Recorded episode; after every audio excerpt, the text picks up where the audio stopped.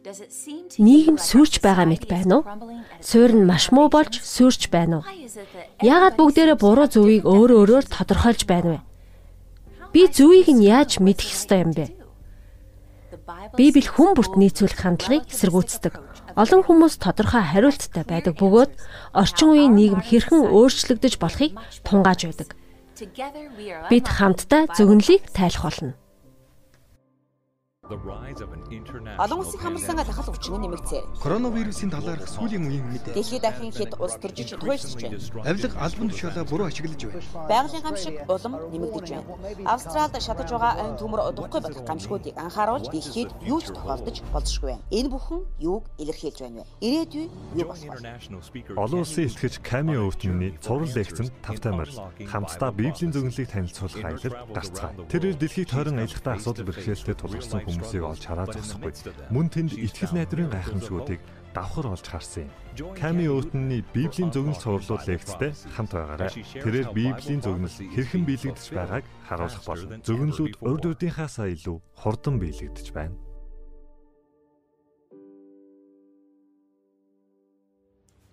Hi, I'm Cami. Сайн уу? Би Ками байна. Библийн зөвнөлийг тайлах хичээл тавтаа морилно. Энэ цуврал хичээл таныг хөтлөх болно. Та Библийн хамгийн агуу зөвнөлүүдийг нээж олох болно. Та Библийн зөвнөлийн нууцуд Facebook пэйж рүү орж өмнөх бүх нэвтрүүлгүүдийг үзэх боломжтой. Мөн хэрэгтэй мэдээллүүдийг авах боломжтой. Та Библийг гүнзгийрүүлэн судлаарай. Холбогдохын тулд доорх линкэн дээр дарахад хангалттай. Манай онлайн библийн сургуульд нэгдээрэй. Та асуулт асууж болно. Эсвэл залбирлын хүсэл илгээж болно.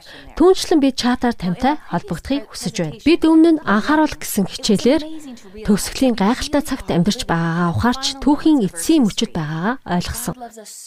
Бурхан биднийг маш их хайрладаг гэдгээ үргэлж мэдүүлсээр байна. Тэрээр хүмүүсээ дэлхийн томоохон үйл явдал бэлтгэхээр сэрэмжлүүлж байна. Анхааруулга мөнхийн хувь заяанд нөлөөлдөг. Бурхан хүмүүсээ урайлан дуудаж байна. Есүсийн Бурханын ирэлтэнд бэлэн байх нь маш чухал. Бурхан хүмүүстэй хувийн харилцаатай байхыг хүсдэг. Хүн нэг бүртээ харилцахыг хүсдэг. Таныг бүх хичээлийг үзнэ гэж найдаж байна. Библийн зөвнөлийг тайлах хичээл төгсгөлийн өдөрт бэлтгэх болно. Өнөөдрийн хичээлийн нэр бол зам. Энэ хичээл олныг зочирдуулах байх. Энэ хичээл хамгийн том бэрхшээлүүдийн шийдлийг танилцуулна. Нийгмийг маань Библиэд маш оновчтой дүрсэлсэн байдаг. Олон нийт Бурхныг үл тоомсорлож байна. Өнөөдөр бид гайхалтай зарчмуудыг харах болно. Энэ номын хуудаснаас бид амьдралыг олж харна. Саяхан манай видео баг ширэнгэн ойд очисон юм. Бид Филиппинд Адар борон цохиулан хорогдох газар хайж байгаад жижиг сүрлэн байшинд борооноос хорогдлоо. Би ганцаараа байгаагүй. Би алуурчид, хулгайч нартай хамт байв. Түүх цааш үргэлжлэх болно. Өнөөдөр бид замын тухай судална. Одоо залбирцгаая. Тэнгэрлэг эзэн бидний хэрэгцээг хангаж өгсөнд маш их баярлалаа. Бид Библийн хариултуудыг судалснаар гэртээ харих замаа олох боломжтой болсон. Диважингийн төгс цэцэрлэгийг буцааж авчраарай. Энэ бол таны анхны төлөвлөгөө. Зүрх сэтгэлийг маань нээж, оюун ухааныг маань хурцлаач. Таныг илүү гүнзгий ойлгож, зан чанарыг тань мэдрэхэд туслаач. Ингэснээр би таныг зөвөр ойлгож хийж байгаа бүхэндээ хариуцлагатай хандах болно эзэн. Би танд маш их баярлалаа. Бид бүгдийг цуглуулж яг одоо таны үгийг судлуулж байгаад баярлалаа. Есүсийн үнцэнтэй хүчрхэг нэрээр залбирлаа. Амен. Хүмүүс яагаад бүгдээрээ буруу зөвийг өөр өөрөөр тодорхойлж байна вэ? Зөв буруу гэж юу вэ? Сайн муу гэж юу вэ? Бид анхны хичээлээрээ Библиэлд Тэнгэрт дайн болж байгаа тухай танилцуулсан. Энэ дайн юунаас болж үүссэн бэ? Хариулт нь уг нь энгийн.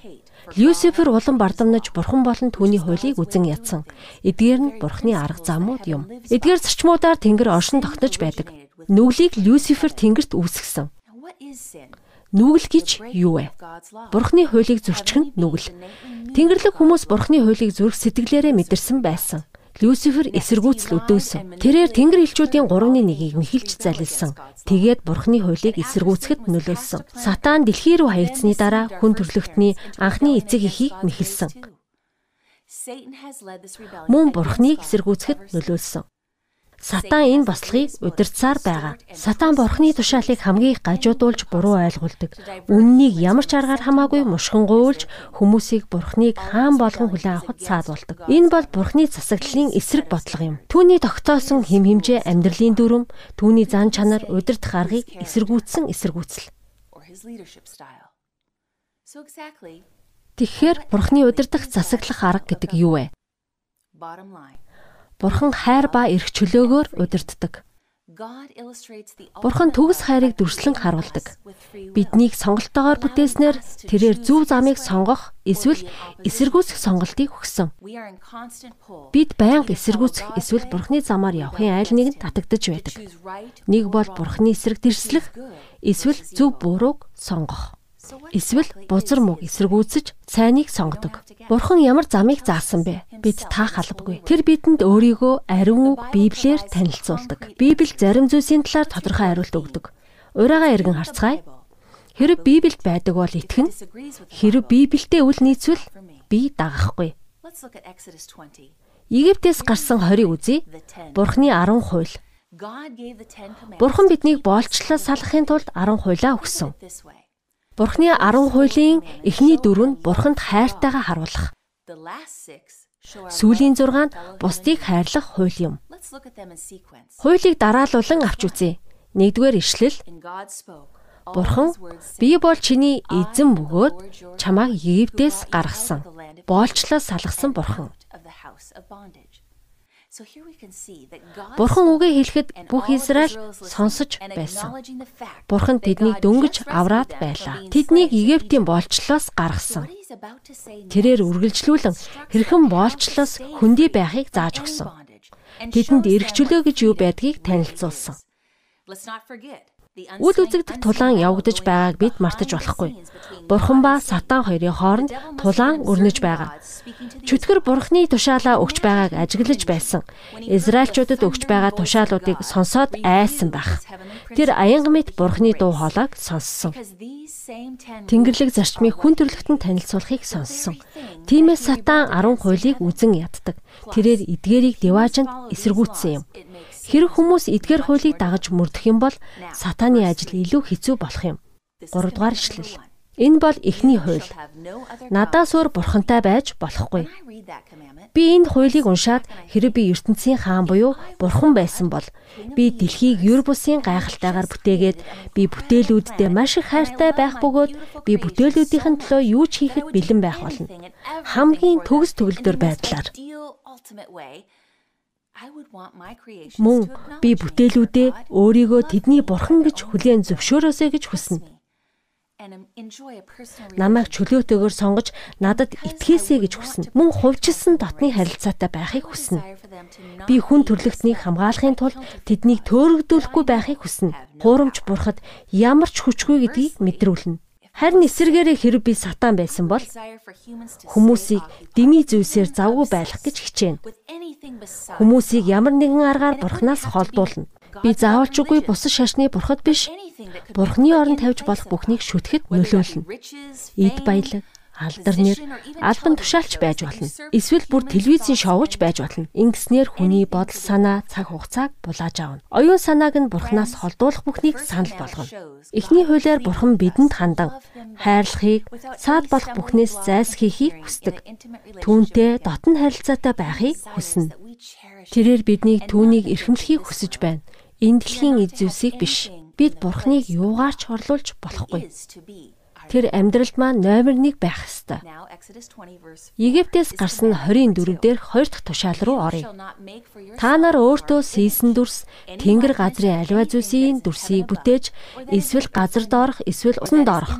Юу ч хийж түнд мөргөж, түнд үйлчилж болохгүй. Учир нь чиний бурхан атаархдаг бурхан. Гин бурууг намааг үзен яддаг эцгүүдээс хүүхдүүд дээр 3 4 үед нь буулгаж, харин тушаалыг маань сахигчдыг мянган үеийг өршөөж нэгүсэх болно. Бурхны хайрладаг болон хуулийг сахичдыг бурхан ивэн. Бурхан юу гим нүгэл гэж тунгасныг би одоо ойлгож байна. Хүний бүтээсэн зүйлийг шүтгэн хүний бурхны талаарх ойлголтыг гажуудуулдаг. Хэрв та чулуун сэлбэр эсвэл ямар нэгэн дүрсэнд мөргөж байгаа бол таны оюун ухаан бурхан дээр биш харин бүтээлүүд дээр нь төвлөрнө.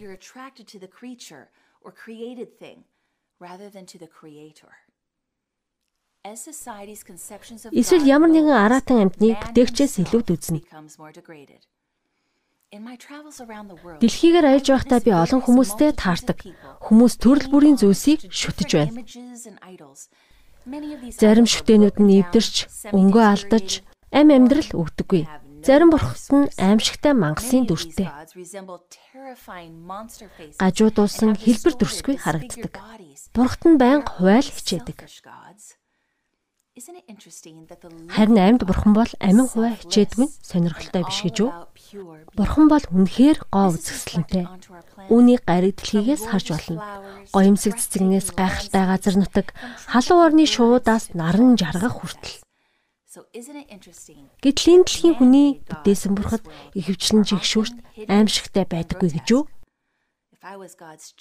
Хэрэв би бурхны өрсөлдөгч байсан бол бас ийм зүйлсийг хийх байсан баг. Бурхан хайртай гэж хэлсэн танд маш их хайртай гэсэн үг. Тэрээр таныг аврахын тулд бүхнийг хийх болно. Бурхан хуурамч зүйлсийг бүтээлийг бүү хий. Би чамд өөрийгөө буюу жинхэнэ зүйлийг санал болгож байна. Орчлон ертөнцийн бүх хүч чадлыг зөвхөн амьд бурхан эзэмшдэг. Харин бүх хуурамч зүйлс сүрэх эсвэл мөхөх болно. Бүгд буршлагдаж булагдана. Тэд өөрсдийгөө амьлуулж чадахгүй. Ер нь юу ч хийж чадахгүй. Бид үнэнч гэдгээ мөргөлөөр харуулдаг. Тэгэхээр Бурхны дайсан самруулах ажлыг хийдэг. Бурхан гэж хэн болох хэрхэн шүтгэд асуудал үүсгдэг. Бурхан намайг хурамч дүрнэс битгий ирж хай. Би тийм зүйлд оршдоггүй. Би та нартай шууд харилцдаг над дээр ирж шууд харилцаарай гэж хэлж байна. Сатан үргэлж анхаарал татах гэж хичээдэг. Тэрээр бурхны орон зайг эзлэхийг хичээдэг. Тэрээр хүмүүсийг санваарт руу хандуулдаг. Пастор, багш нарыг заримдаа удирддаг. Хүмүүс Библийг уншихын оронд өөрсдийнхөө үүргийг суралцахын оронд удирдахч нараар оюун ухаанаа захируулдаг. Чөтгөр олон түмэнд нөлөөлдөг. Тэр хүслээ тулгадаг. Зүгнэл үүнийг удаа дараа харуулж өгсөн. Зүгнэл биелэгдэж байна. Бурхан энэ хуулиараа эцэг эхчүүдийн анхаарлыг татаж тэднэрт хэрв та эцэг эхийн хувьд амьдралдаа буруу сонголт хийх юм бол хуурамч бурхад шүтэх юм бол хүүхдтэй нөлөөнд орж түүгээр чинь удирдуулах болно.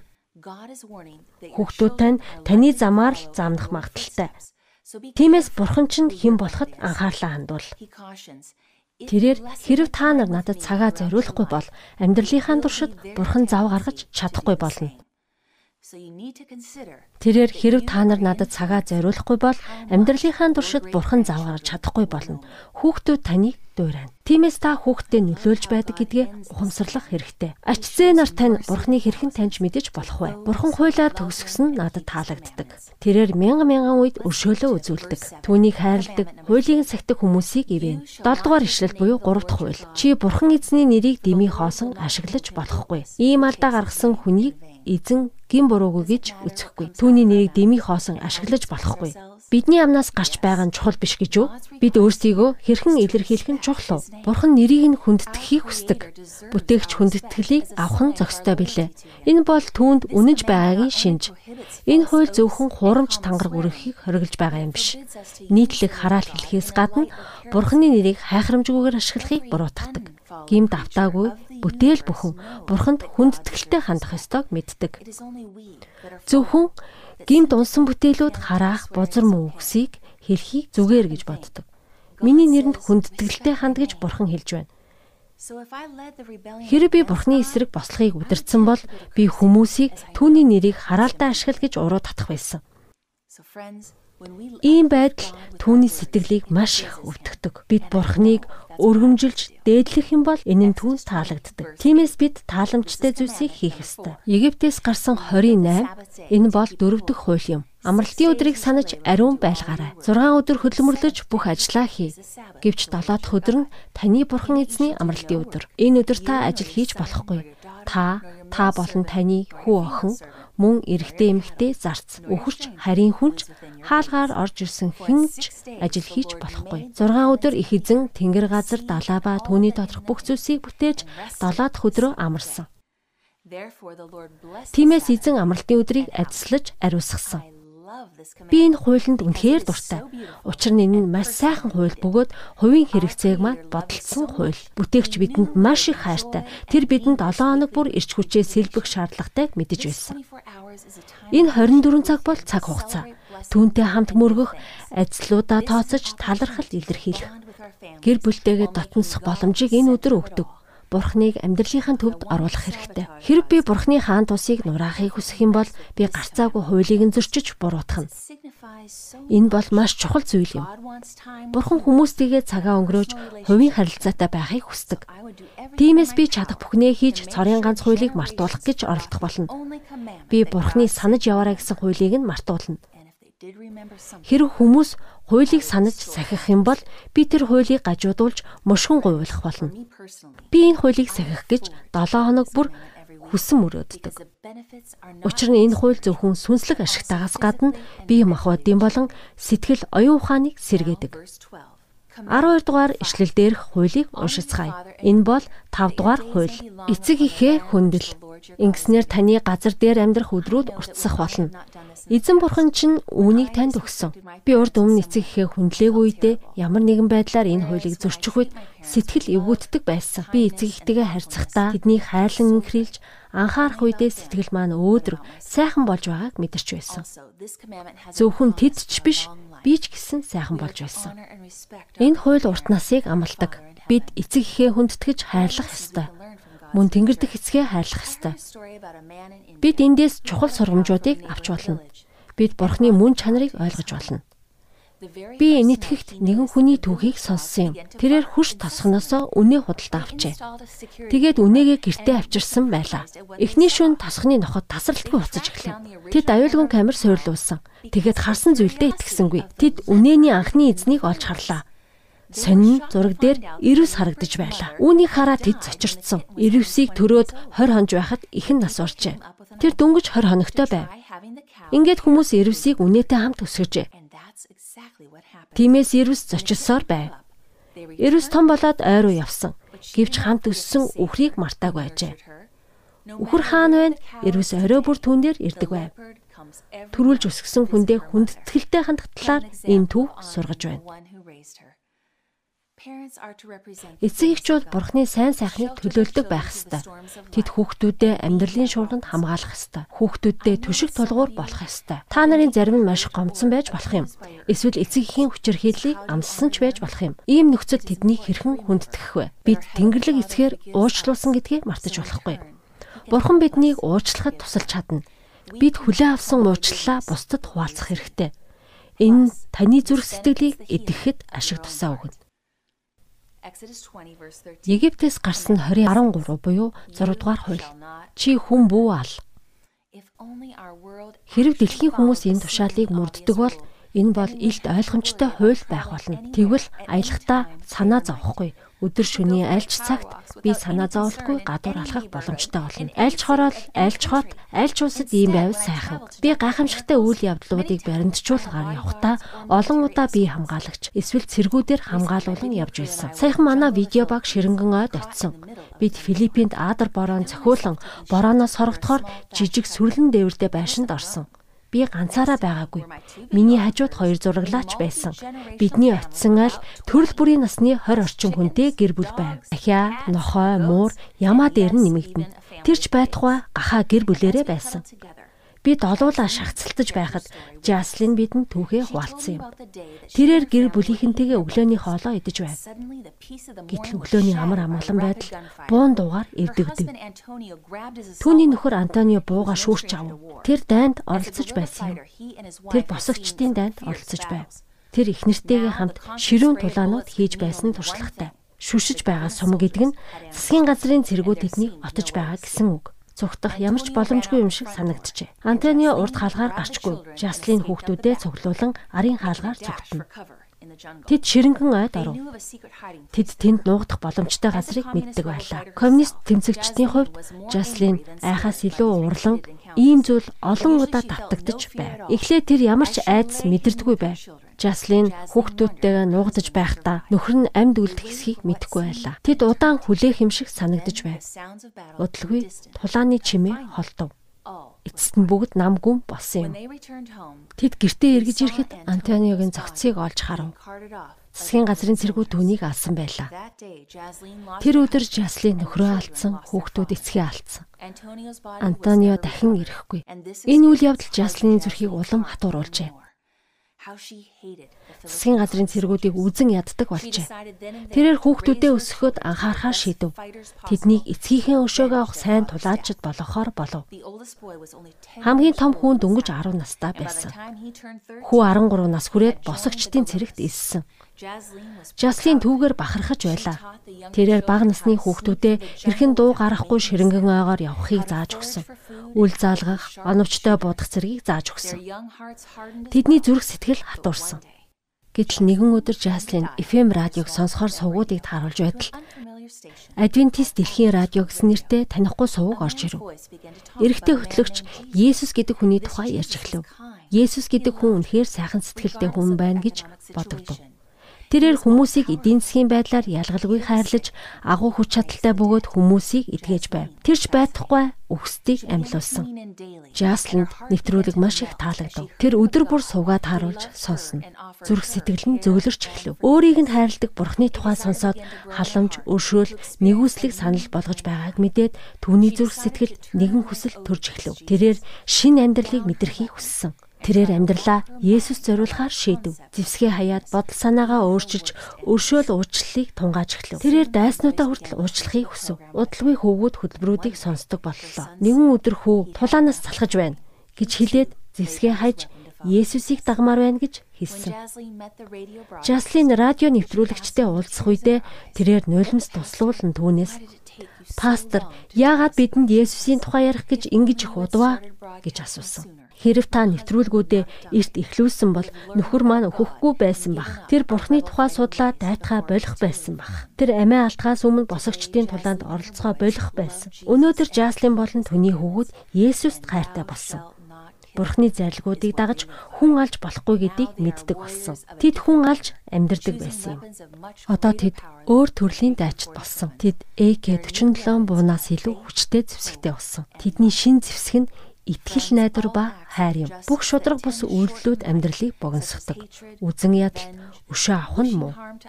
Бусдад хор хөнөөл учруулах нь 6 дахь хуулийг зөрчиж байгаа гэсэн үг. 14 дугаар ишлэлдэр 7 дахь хууль өгөгдсөн байдаг. Бүү завхаар. Хэрэг хүмүүс энэ хуулийг дагаж мөрдөх юм бол гэр бүлийн амьдрал илүү хангалуун байх байв. Хань ижил тань өөр хүн татагдахгүй байх байсан. Гэрлэлт гэдэг бол Бурхны бэлгэлсэн итгэлцэл ба цэвэр ариун харилцаа юм. Гэр бүл бол дэлхий дээрх хайрыг мэдрэх хамгийн агуу харилцаа. Энэ харилцаа завхаарлаар тасрах үед зүрх сэтгэл хямарч гэр бүл салдаг. Нь ёс суртахууны луужингүүгээр тодорхой чиглэлгүй болно. Хүмүүс төөрөлдөж зүг замаасаа хазаах болно. Нийгэм та өөрийн хүслээ даг гэж зааж байна. Хинч юу ч хийхийг хэлж өгөх ёсгүй. Хэрв сайхан санагдаж байвал түүнийг хий. Хэрв таашаал мэдрүүлэх юм бол түүнийг хий. Хоёр хүн санал нийлж байвал хүснээ хийж чадна гэж үү? Тийм үү? Бурхны тушаал өгөхөөр бүтээсэн бүхнийг чөтгөр эсэргээр нь ашигласан. Чөтгөр хайрыг буруугаар ашиглаж шунал тачаал болгосон. Сатан гэр бүлийг эвдэж ёс суртахууныг дараа туулах зорилготой. Өвчин үл итгэлийг тараахыг хүсэж байна. Ингэснээр харилцаа мөхөн. Тэрээр айл өрхүүдийг хувааж эзэмдхийг хүсэж байна. Нийгмийг нураахыг хүсэж байна. Биднийг сэрэмжлүүлж хамгаалдаг Бурхан байгаад бид талархах ёстой. Гэр бүлээ хамгаалж хэрхэн аж жаргалтай байх вэ? Сэтгэлээ хэрхэн амар амгалан байлгах вэ? Бурхан гэр бүлийг ариун байлгах агуу төлөвлөгөөтэй. Египтээс гарсан 20:15 дээр 8 дугаар хууль өгөгдсөн. Бүү хулгай хий. Бурхан энд олон санааг дэгтгсэн байгаа. Мэдээж банк дээрэмдэж бусдын эд зүйлсийг бүү хулгаал. Бусдын эд зүйлийг бүү аав. Гэхдээ үүнээс ч илүү гүн утга байгаа бид ядуу хүчгүй хүмүүсийг буруугаар ашиглаж болохгүй. Сул дорой эсвэл азгүй хүмүүсийг.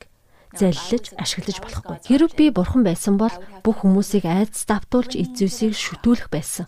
Эзүүсэд мөнгө цаг хугацаа зарцуулахыг уриалах байсан.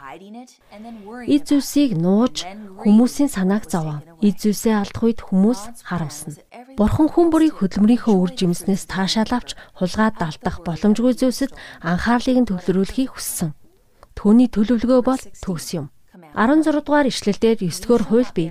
Худал ярьж хөршийнхөө эсрэг худал гэрчлэл бүүхий. Бид худлаа ярих үедээ бид хэцүү байдлаас гардаг гэж боддог. Гэвч үнэндээ бид илүү асуудал эмх замраагүй байдлыг үүсгэж байдаг. Бид хинт юу гэж хизээ ямар үгсийг хэлсэн бэ гэдгээ санаж бодох хэрэгтэй. Худал үгс шорон адил, худал хурмаг үгс бүхэн танд шорон адил хязгаарлах болно. Та өөрөө худал үгстэй хязгаарлуулах болно. Ховж ярих худал үгс нь үнэн биш. Өөр таалагдсан үзэл байдаг. Хэтрүүлэгтэй үгс 9 дугаар хуулийг зөрчиж байдаг. Худал хурмаг санаачлагчаас ирдэг. Худлыг санаачлагч нь хэн бэ? Библи түүнийг хэн гэдгийг мэдүүлж өгсөн. Йохан 8:44 дээр Чи бол чөтгөрийн эцэг. Чи эцгийнхээ хүслийг гүйцэлдүүлдэг. Тэр анханасаа алуурчин байсан. Тэр үнний тал зогсдоггүй. Учир нь түүнд үнэн гэж байхгүй. Тэр худал ярих үедээ зан чанараал ярьдаг. Учир нь тэр бол худалж, худал хурамгийн эцэг юм. Бурхан биднээс үннийг хэлхийг хүсдэг. Энэ нь үнэнч байна гэсэн үг юм. Үүнийг тайлбарлах түүх ярьж өгье. Би Жакийн тухай түүхэнд дуртай. Тэр агуу хямралын үе буюу 1930-аад онд амьдарч байсан. Тэр үед мөнгө олох боломжгүй байв. Түүний гэр бүл үл залгах гэж тэмцэж байгаа тариаланчд байлаа. Жак гэр бүлдээ тус болохыг хүсэж байлаа. Түүнд уурга дэгээ хідэн үт байв. Тэрээр гол руу явж загас барьж зах дээр борлуулахаар шийджээ. Тэр өдөр бүр гол дээр очиж уургаа шидээд загас барьж байлаа. Жак дэлгүүртээ гэрээ хийв. Жак, чи гэр бүлдээ тус болохыг хүсэж байгааг би мэдэж байна. Чиний авчирсан бүх загас томч бай, жижигч бай. Би чамд нэг бүртэн 50 цент төлнө. 1980-ад оны үед 50 цент гэдэг их мөнгө байсан. Жак өдөр бүр загасчлан заримдаа жижиг загас барьдаг байв. Гэвч худалдаачин амснаа биелүүлсэн. Том эсвэл бага байхаас үл хамааран 50 цент авч байв. Жакийн хүү гэр бүлийнхээ хэрэгцээг хангаж бүтэн жилийн турш ажиллалаа. Жак нөхцөл байдлыг бодож үзээд худалдагчийн сайхан сэтгэлийг ашиглаж байгаа мэт санагдав. Нэгэн өдөр тэрээр загасчлахдаа маш том загас барьжээ. Өмгсөн загасаа татаж байв. Энэ загас жирийн загас байсангүй. Маш том. 15 кг хүнд жинтэй загас байлаа. Тэр загасыг уснаас гаргах үедээ маш том загас болохыг ухаарав. Энэ бол түүний амьдралдаа харж байгаагүй загас байв. Түүнийг загсаа дэлгүүр рүү авч явж байхад үл таних хүн загсыг нь хараад аврах загас байна гэж боджээ. Тэрээр хөөх эн чинь үлэмж загас байна шүү дээ гэв. Тэр гинэт зогсоод хөөе би чамд 50 цент өгье. Яг одоо загсыг чинь худалдаж авъя гэхэд Жак уучлаарай эрхмээ. Би тэгж чадахгүй. Би аль хэдийн нэг хүнд зарна гэд амласан байгаа гэв. Үл таних хүн үргэлжлүүлэн Жакет 2 доллар 50 цент санал болгов. 1980-ад онд энэ бол их мөнгө байв. Гэхдээ Жак татгалзаж та маш сайхан санал тавилаа. Гэхдээ би дэлгүүрийн эзэн загсаа зарна гэж амласан байгаа. Тэр хүн надтай маш хатуу гэрээтэй. Тэр хүн надаас том жижиг гэлтгүй загас бүрийг 50 центээр авдаг. Дэлгүүрийн худалдагчийн ачийг хариулах цаг болсон. Энэ бол түүнийх гэв. Жак амлалтандаа үнэнч байх шийдвэр гаргасан. Энэ бол жинхэнэ гэрчлэлийн тодорхойлолт. Жак хамгийн алдартай генералуудын нэг болж түүний генерал Stonewall Jackson гэж нэрлэх болов. Үн цэнтэй хүн хийсэндээ хүрдэх хүн байх шийдвэрийг гаргасан. 17 дугаар ишлэлдэр 10 дугаар хууль бичигдсэн байдаг. Хөршийнхөө байшин ихнэрт шунаж болохгүй. Мөн эрэгтэй эмэгтэй зарц, үхэр, илжигт хөршийнхөө юунд ч бүү шун.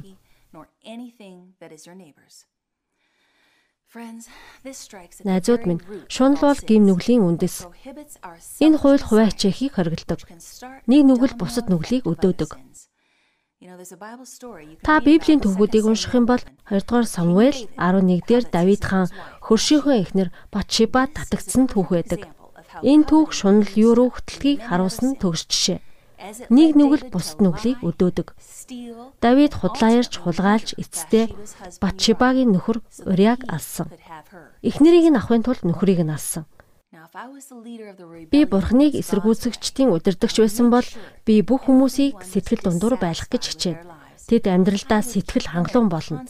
Ингэснээр хүмүүс байнга үргэлж шунах болно. Тэдний зүрх сэтгэл атаархал давтна. Хөрш маань сайхан байшинтай байна. Би ийм байшинтай болохын тулд юу ч хийхээс буцахгүй. Би хүмүүсийг бурхны бүх ивэлийг харах боломжгүй болгоно. Хүмүүс байхгүй зүйлс дээрээ анхаарлаа төвлөрүүлнэ. Би хуурамч төсөөллүүдийг бүтээх болно. Холливуудаар дамжуулан хүмүүсийн шунлыг өдөөж тансаг амьдралтаа болох хүсэлтэй болгон байнгын бухимдалд оруулна хамгийн тачаангуй чинэлэг хүмүүсээр шунлыг хөдөлгөнө. Хамгийн хурдан, хамгийн хөгжилтэй бүгдийг тэмцэлдүүлнэ. Хүмүүс өөрсдийгөө дутуу үнэлэх үед, өөрсдийгөө харьцуулах үед сэтгэлээр амархан унах болно. Тэд үнцэн хайрыг буруу газруудаас хайх болно. Бурхан чамааг үнцэнтэй болгосон. Та бол хүүхд юм. Орчлон ертөнцийн хааны хүүхд. Тэр бидэнд хэрэгтэй зүйлийг өгдөг. Үүний төлөө би талархаж байна. Бурхны хууль бол хүч эсвэл хамгаалах хан адил биднийг унахаас сэргийлдэг. Бид гмийн хавханд ороход амархан байна. Бид өөрсдөө хорон муу хүчний эсрэг тэмцэж чадахгүй. Ариун хамгаалтгүйгээр бид аюулгүй байж чадахгүй. Бид Бурхны хим химжээгээр удирдуулах үедээ бид амьдралын замаараа замнаж байхдаа аливаа сонголт үр дагавартайг санах хэрэгтэй. Сатан хүмүүсийг уригдахыг хүсдэг. Биднийг алдаатай буруу шийдвэрлэв чиглүүлдэг. Тэрээр санаатаагаар биднийг устгах төлөвлөгөө боловсруулдаг. Хүмүүсийг сүнслэг оюун санааны хувьд, сэтгэл санааны болон бие бэлтрийн хувьд нураахыг хүсдэг. Харин Бурхан хүмүүсийг ад жаргалтай, тайван амьдралтай байхыг хүсдэг. Бурхны дүрмийг дагснаар бид аврагдах болно. Бид хүнд хэцүү байдлаас гарч сурсан ч эдгээр нь биднийг авран хамгаалахгүй.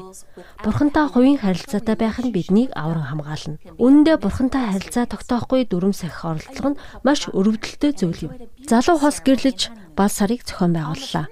Эхнэр нөхөр болсон эхний өдрөө нөхөр эхнэртээ нэгэн цаас өгөв. Би чамд өдөр бүр хийх зүйлсийн чагсаалтыг гаргасан. Чи өдөр бүр биелүүлээрэ. Энэ нь гэр бүлийг манд хамгаална. Чи өдөр бүр өглөөний 5 цагт босох ёстой. Би өглөөний цай уухыг хүсэж байна. Миний цамц өмдийг эндүүдсэн байв.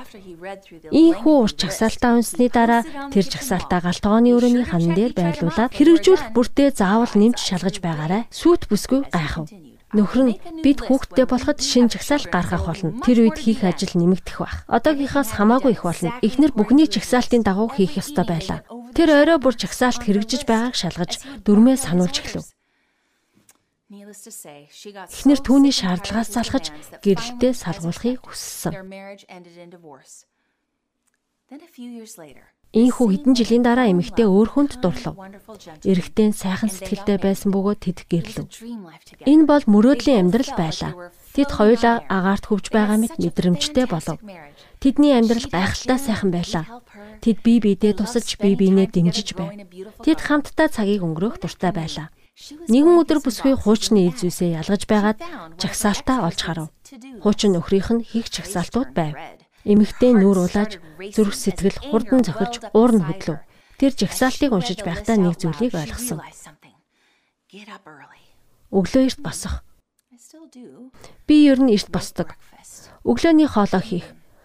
Хм би одоо ултал хийдэг. Миний костюмыг эндүүд. Хм би ч бас үүнийг хийдэг. Тэр чагсаалтгүйгээр бүхнийг хийж гүйцэтгэж байв. Тийм ч учраас эмэгтэй чагсаалтыг хараад уур нь хүрсэн.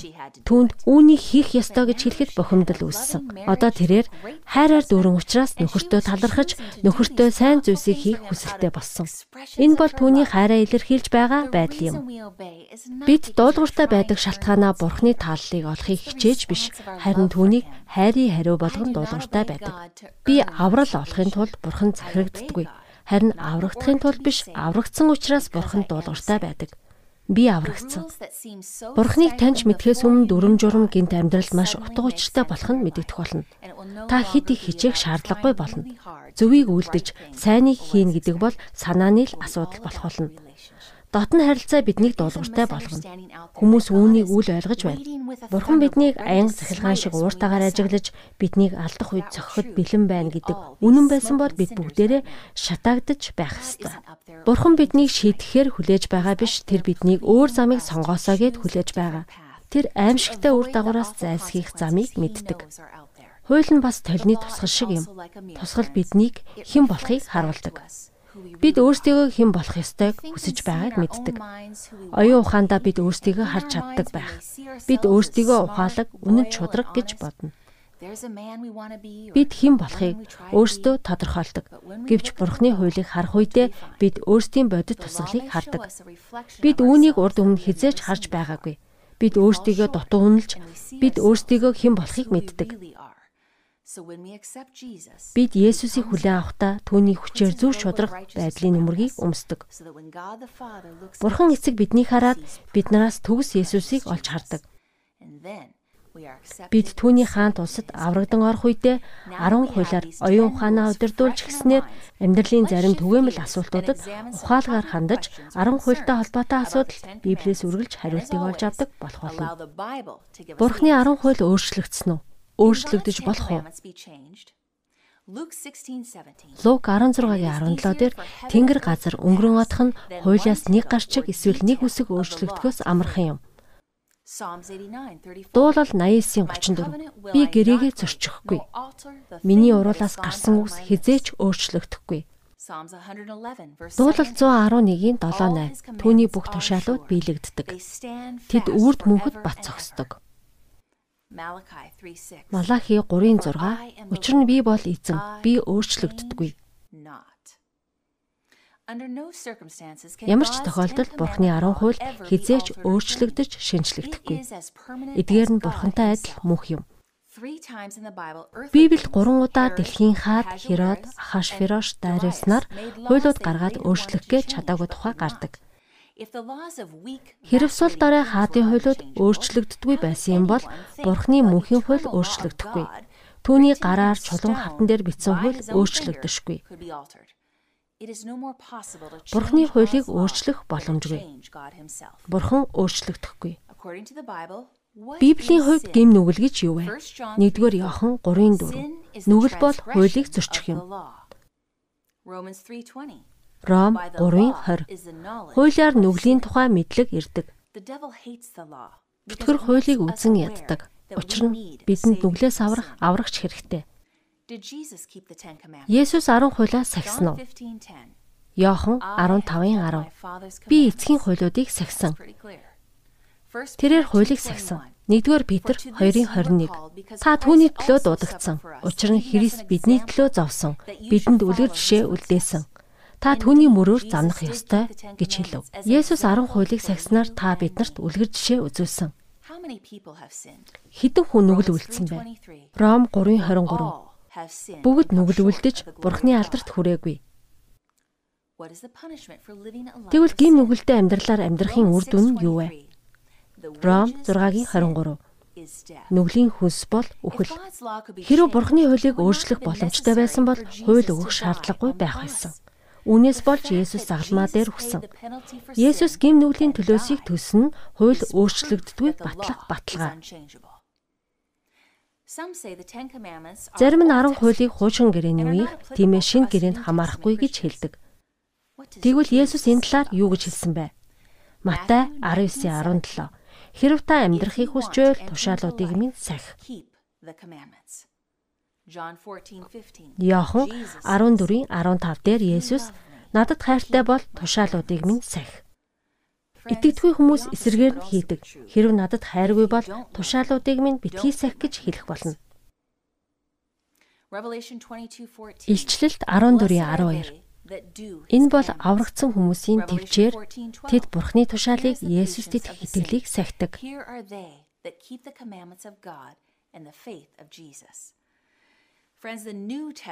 Шинэ гэрээн дээр Бурхны хүмүүс тушаалуудыг нь сахина гэж өгүүлсэн байдаг.